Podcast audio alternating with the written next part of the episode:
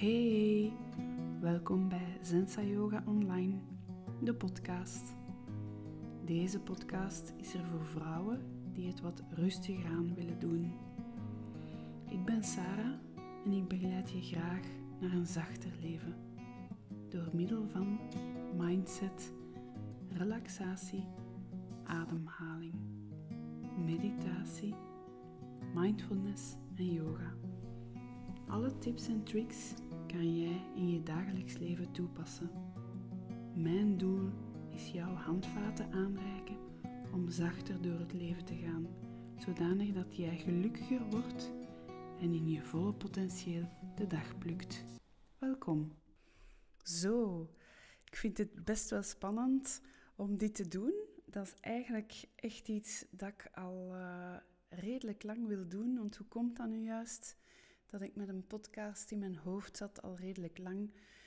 Is omdat mensen in mijn yogalessen of meditatie of mindfulnesslessen um, vaak naar mij kwamen na de les om te zeggen van, jij hebt een fantastische, zachte stem, een rustige stem. Je moet iets doen met je stem. En dat is al jaren dat ik dat te horen krijg. Ik ga zo dadelijk ook mijn verhaal een beetje doen. Dan ga je dat weten dat ik al jaren lesgeef. En dus, ja, ik dacht gewoon 2021, kom, we doen het. Ik neem een podcast op. Dus hier ben ik dan en ik zit aan mijn livingtafel. Ik ben hier helemaal alleen thuis. Ehm, ik heb een man en twee kinderen. Die kinderen zijn twee meisjes, twee tieners. En ze zijn er nu even niet, dus ik neem van de gelegenheid gebruik om deze podcast op te nemen.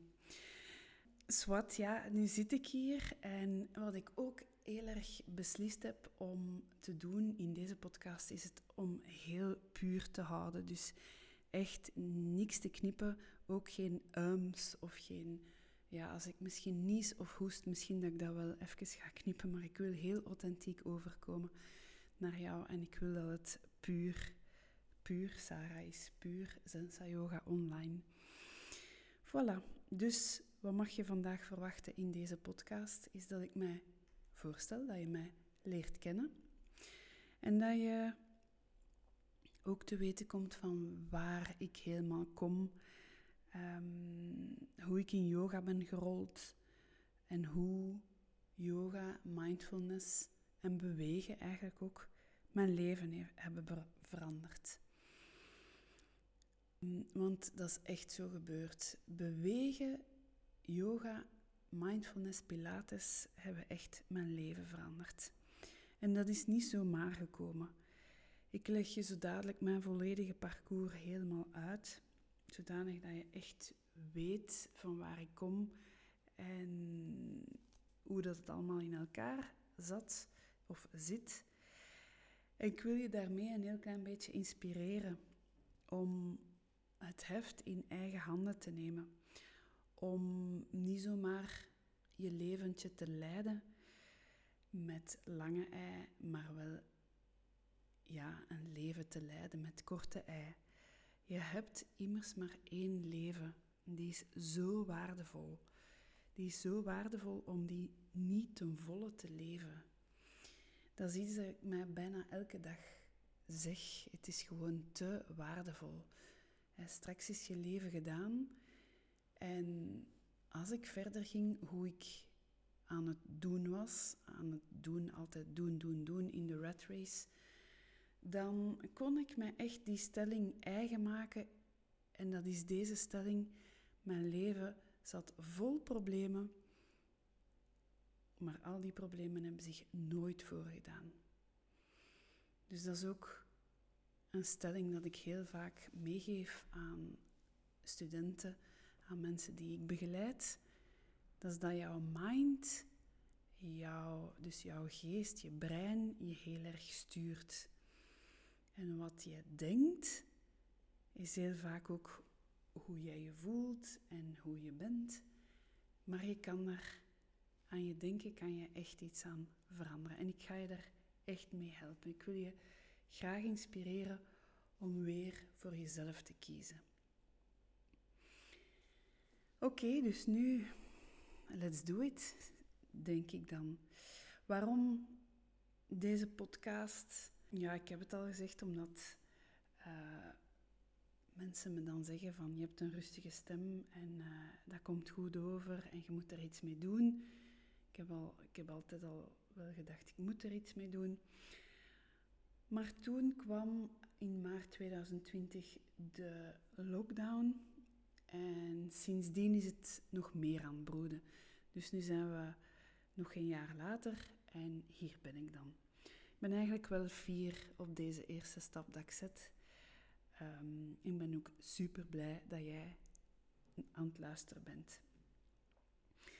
Dus um, sinds maart 2020 ben ik heel erg gaan experimenteren met dingen online, met ja, dingen zoals deze die in mijn achterhoofd zaten.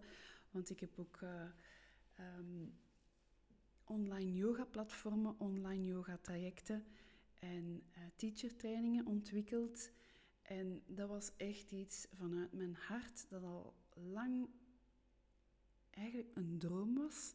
Dat dan, ja, waar er dan plots tijd voor vrij kwam. En dat ik dan met heel veel plezier heb geëxperimenteerd van hoe doe je dat hier juist, uitgedokterd. En dat staat er nu, dus ik ben er super, super fier op. Oké, mijn verhaal. Wel, mijn verhaal is als volgt. Ik ben geboren op 2 februari 1977. Ja, je kan zeggen dat ik misschien al wel oud ben, maar ik voel me helemaal niet oud, helemaal niet. Ik ben geboren in Brussel en misschien hoor je dat aan mijn r, aan mijn rollende r. Ik ben in de twee talen opgevoed, Nederlands-Frans, maar ik ben wel opgegroeid in de Vlaamse rand. Ik ben opgegroeid in het dorpje Steenokkerzeel, dicht bij de luchthaven. En dicht bij de luchthaven, ja, omdat mijn ouders op de luchthaven werkten. Die hebben een ganse carrière op de luchthaven gewerkt. En wij hebben ook, mijn broer en ik, ehm, ja, twintig jaar zal ik maar zeggen, uh, dat we tiener waren, heel veel gereisd. We hebben dat geluk gehad om heel veel te mogen reizen, om gans de wereld te kunnen zien. Ik ben er ongelooflijk dankbaar voor, want ik vind dat een ongelooflijke luxe. En zeker om andere culturen te leren kennen. Dus er zit wat reizigersbloed in mijn lichaam. En um, ja, ik vind dat super fijn om andere culturen te leren kennen. Dus ik ben tweetalig opgevoed. Um, ik ging dan in het Nederlands naar school. Maar ik had oorspronkelijk als kleine baby en als kleine kleuter het uh, Nederlands was mijn tweede taal, het Frans was mijn moedertaal. Dus op school ging dat in de eerste jaren niet zo heel uh, goed. In de zin van, ja, ik praatte Frans en ik moest ineens in het Nederlands naar school gaan. En als ik dan nadenk over hoe dat alles eigenlijk begonnen is van mijn uh, traject, van waar ik nu sta, denk ik dat alles begonnen is bij mijn geboorte. Ik ben als eerste geboren van twee. Ik als eerste, ik ben een meisje en mijn vader wou altijd een jongen. Dus voor hem was dat eigenlijk een heel klein beetje een ontgoocheling. En ik heb dat in mijn opvoeding heel erg gevoeld, dat, um, ja, dat, die, dat ik als eerste mij moest bewijzen. Moest bewijzen dat ik eigenlijk bijna evenwaardig was als een jongen. En vandaar dat er zo heel lang in mij die dat vechtersmentaliteit, dat strijdersmentaliteit zat van ik kan het en ik ga het kunnen en ik kan het. Pas op, dat heeft me heel ver gebracht, maar dat heeft me ook bijna op een burn-out en een depressie doen afstevenen. Ik ga daar later op verder in pikken als ik mijn volledige verhaal doe. Um, daar, dus bij mijn geboorte, is dat gebeurd. Uh, allee, gebeurd dat gebeurt niet zomaar, maar dat was de wens van mijn vader om eerst een jongen te krijgen. Ik heb dat gevoeld in mijn opvoeding. Um, ik ben heel gelukkig opgegroeid. Uh, mijn broer en ik, we schelen één jaar, dus we zijn twee handen op één buik. En ik vind dat heel, heel fijn, omdat wij echt goed overeenkomen. En dat is super om zo iemand te hebben. Eigenlijk een beetje een klankbord te hebben. En als ik iets niet goed weet, dan bel ik hem. Dus dat is echt super fijn.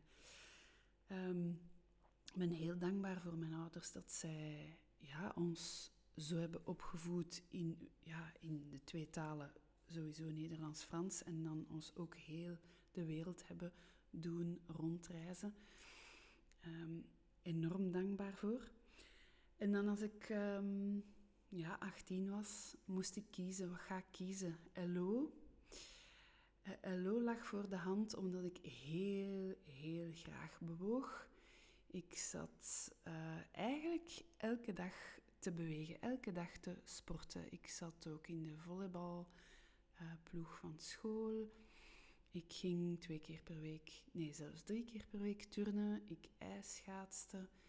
Uh, ik zwom. Ja, bewegen was mijn leven. Als kind en als tiener was bewegen alles voor mij. Ik kon in bewegen mijn vrijheid vinden. Het was alsof ik zonder beweging geen zuurstof had.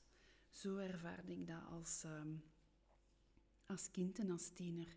Dus je kon me echt blij maken met een LO-les of met, uh, met te vragen om mee te gaan lopen of zoiets, of mee te turnen. Daar werd ik super blij van. En dan eens ik 18 was, moest ik dan kiezen. Uh, ga ik LO doen of ga ik talen doen? Misschien zelfs fotografie, want dat was ook nog een uh, hobby van mij, waar dat ik uiteindelijk dan toch niet in verder gegaan ben. Maar LO of talen was toch wel een groot dilemma. En um, toen, op dat moment dat ik moest kiezen, uh, zijn mijn ouders uit elkaar gegaan. Dus ik was 18. Op mijn negentiende uh, zijn ze effectief uit elkaar gegaan, dus definitief uh, dus gescheiden. En um, ja, het was toch voor mij een iets grotere uitdaging um, qua vakken om LO te volgen dan, dan talen. Waar dat er mij in het middelbaar ook altijd gezegd werd van... Doe geen unief, je gaat dat niet aankunnen. CLB ja, zei altijd van, ja nee, jij zou beter gewoon gaan werken na, na het middelbaar. Ik had ASO gedaan en ik dacht, ik ben al gans mijn leven zo opgevoed door te vechten. En ik ben er altijd doorgeraakt door te vechten voor wie ik ben. En dus dacht ik, ik ga ook hier een keer zien dat ik dat kan doen. En ik heb dan uiteindelijk talen gekozen en ben afgestudeerd als vertaler-tolk. En dat was altijd in eerste zit. Geen examens, niks. Dus was er super fier over, over mijn prestatie. Maar destijds dus zijn mijn ouders uit elkaar gegaan en was ik eigenlijk echt een beetje in een rat race beland. In de zin van, ik moest ja, keihard studeren om er door te geraken. En terwijl waren mijn ouders aan het scheiden en dat, ja, ik deed alsof mij dat niet raakte en alsof dat, dat de normaalste zaak ter wereld was. En ik ontwikkelde op mijn negentiende een auto-immuunziekte. Die auto-immuunziekte bleek dan uh, de ziekte van Crohn te zijn. Ziekte van Crohn is een ziekte dat zich bevindt in de darmen, waar dan een, stuk van de darmen chronisch ontstoken is. Dus als je dat gaat bekijken um, via een coloscopie, dan zie je echt de darmwand die, zoals acne, die echt zo van die zweren heeft, de darmwand. En dus de ziekte van Crohn velde mij. Ik was 19, dus ik was uh, begonnen met mijn hogere studies. En ja, dat was allemaal, dat overviel mij allemaal ook de scheiding van mijn ouders, omdat ik dat echt niet zo heb zien aankomen. Dat dat echt een beetje als een bom insloeg. Omdat mijn ouders eigenlijk ook nooit veel ruzie maakten of niks. Allee. En um, ja, dat overviel me allemaal een beetje. Dus ik ging, ik had in mijn hoofd gezet van ik ga hier zo goed als mogelijk, zo snel mogelijk de hogere studies afronden. En uh, ik wil dan zo snel als mogelijk gaan werken als de hogere studies gedaan zijn. Dus wat deed ik dan?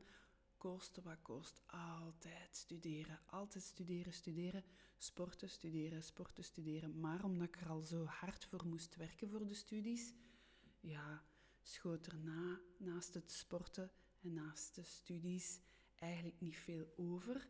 Waar dat ik bij het sporten heel erg mijn balans vond, ja, stortte ik mij weer helemaal uh, in, in het studeren. En de, de balans was niet goed. Dus daar heb ik echt um, die auto-immuunziekte ontwikkeld. Ik was destijds al een heel klein beetje bezig met yoga. Een heel klein beetje met meditatie, maar op een heel laag pitje. Want ik wist nog niet wat het dat met mij kon doen of wat dat van voordelen had. Maar ik ben destijds op mijn 19 ook um, beginnen lesgeven. Ik ben beginnen groepslessen geven en dat was dan destijds uh, Taibo. Dat was mijn eerste groepsles. Dat was een soort van uh, groepsles op muziek, een soort van aerobic waar je zo in de lucht wat um, combat, ja, wat bewegingen deed. Uh, dat was mijn eerste groepsles. Dan heb ik uh, turnen voor oudjes gegeven en ik ben er zo'n beetje ingerold in het lesgeven. Ik heb eerst beginnen, ben eerst beginnen lesgeven en daarna pas ben ik mij beginnen scholen voor um, les te geven. Dus eigenlijk omdat er iemand niet kwam opdagen van de lesgevers of dat die, ik weet al niet meer wat er gebeurd was, een platte band had of zoiets. En er moest iemand de les geven. En ik zat elke week in die les dat ze mij gevraagd hebben van, geeft jij gewoon die les? En dat ik dacht, ja, ik doe dat gewoon.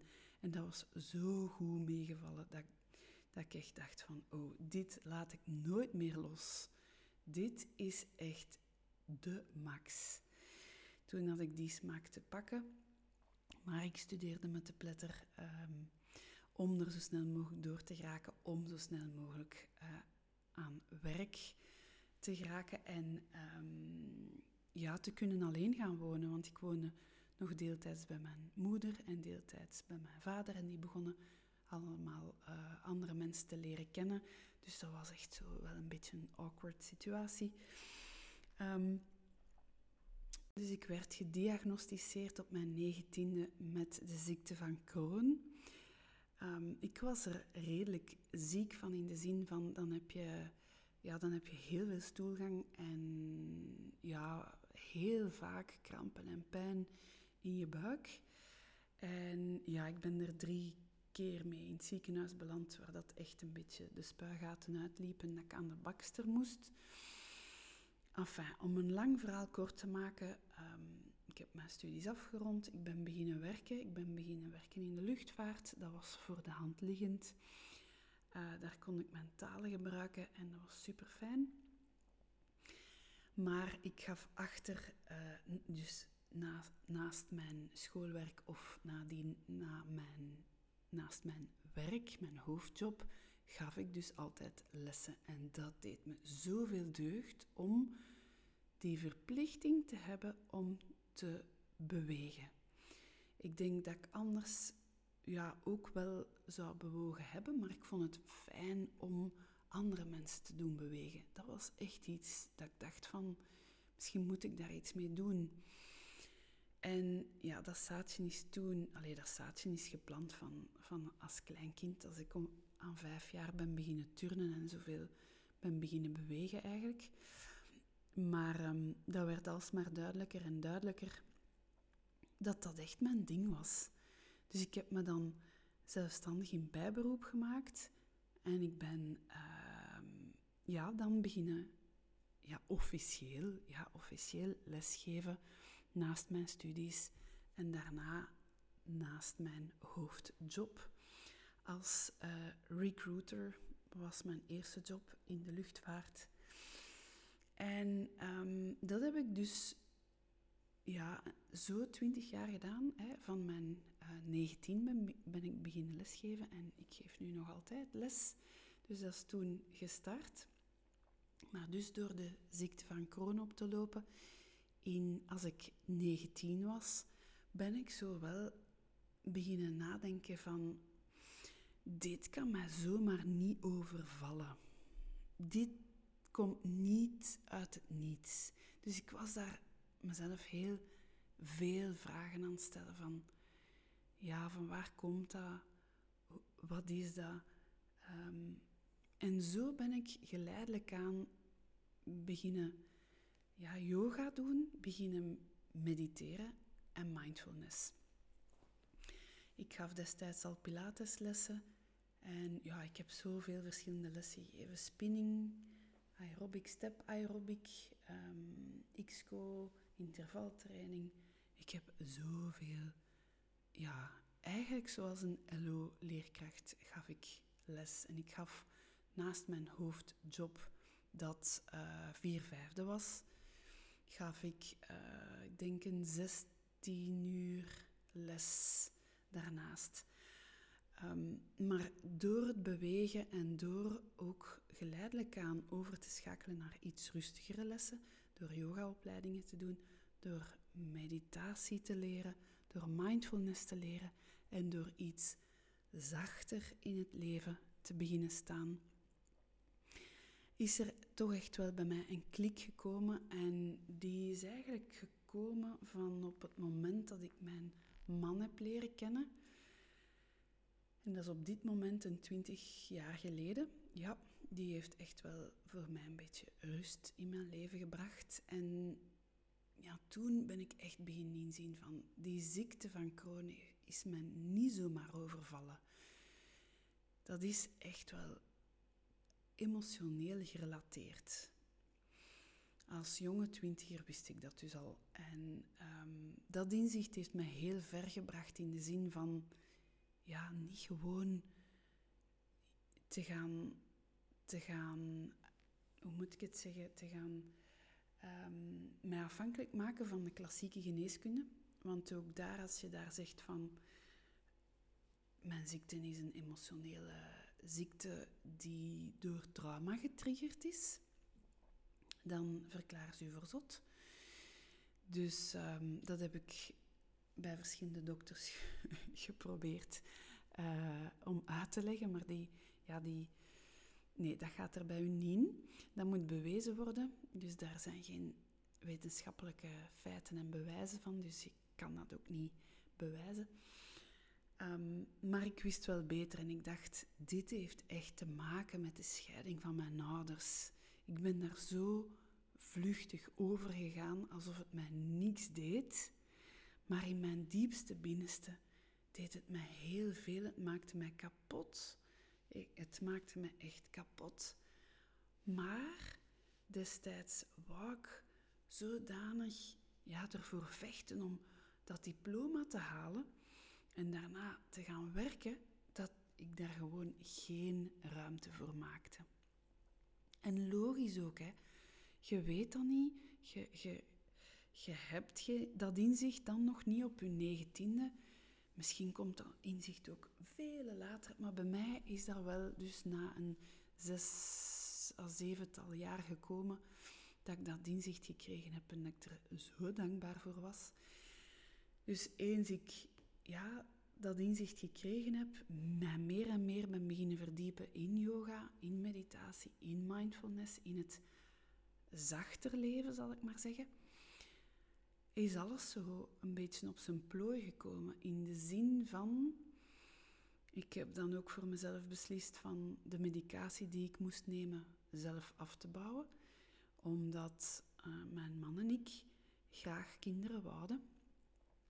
Ik dacht, ik kan dat, want mijn, ja, als je echt iets wil en je geest um, is mee en je, je, je, je, je zet je zinnen op wat dat je echt wil, je gaat dat echt een beetje gaan als een, als een droom, als een verlangen, als een intentie en een, en een affirmatie, zal ik maar zeggen, gaan, ga manifesteren, zal ik maar zeggen, ehm, dan is de kans groot ook dat dat komt. Dus ik heb op eigen houtje mijn medicatie dan afgebouwd. En ja, dan ehm, ben ik zwanger geraakt. En na mijn zwangerschap heb ik nooit nog medicatie genomen.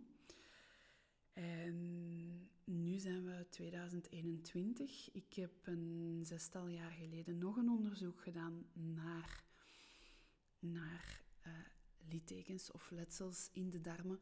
Om eens te kijken van, zit daar nu nog iets?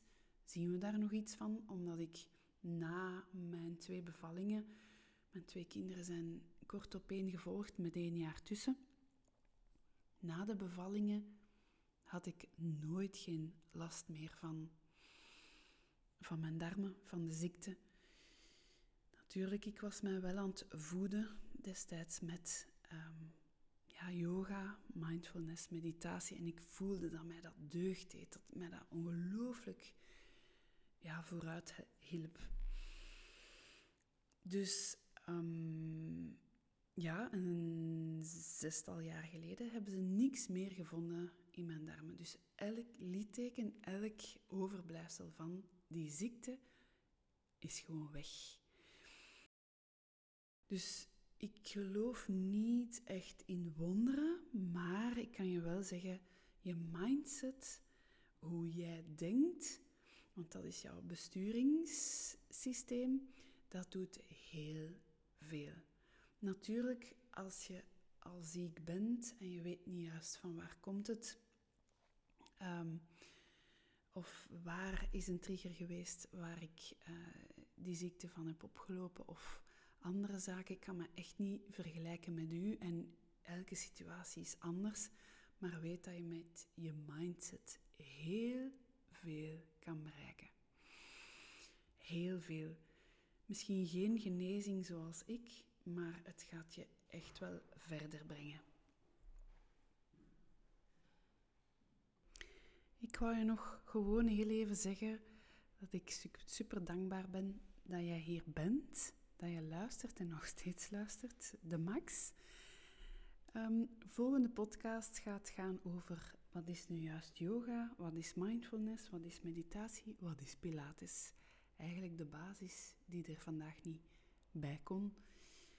En um, ik wou je ook nog heel even zeggen dat voor yoga, voor mindfulness, voor meditatie of pilates, voor relaxatie, hoef je niet per se ziek te zijn. Het is niet omdat ik mijn verhaal nu doe en dat ik heel erg tegen de lamp gelopen ben en daardoor de ziekte van Crohn heb ontwikkeld. En daardoor bij yoga en mindfulness en relaxatie terechtgekomen ben, dat jij zonder ziekte, zonder iets specifiek, niet aan yoga, relaxatie, mindfulness kan doen. Helemaal niet. Dus ieder, iedere vrouw, ieder persoon, ieder mens heeft echt wel baat bij een stukje langzamer leven, een stukje bewuster leven, een stukje te vertragen om terug naar de essentie te gaan. Omdat we zodanig in die rat race zitten, onszelf zodanig voorbij lopen, dat het heel vaak, ja, dat we het gewoon niet beseffen en dan plots lopen tegen die deur. Voilà, dus ik wil je hier heel erg bij bedanken en ik zie je graag of ik hoop dat je volgende keer terugluistert in de volgende podcast. Tot dan. Dag.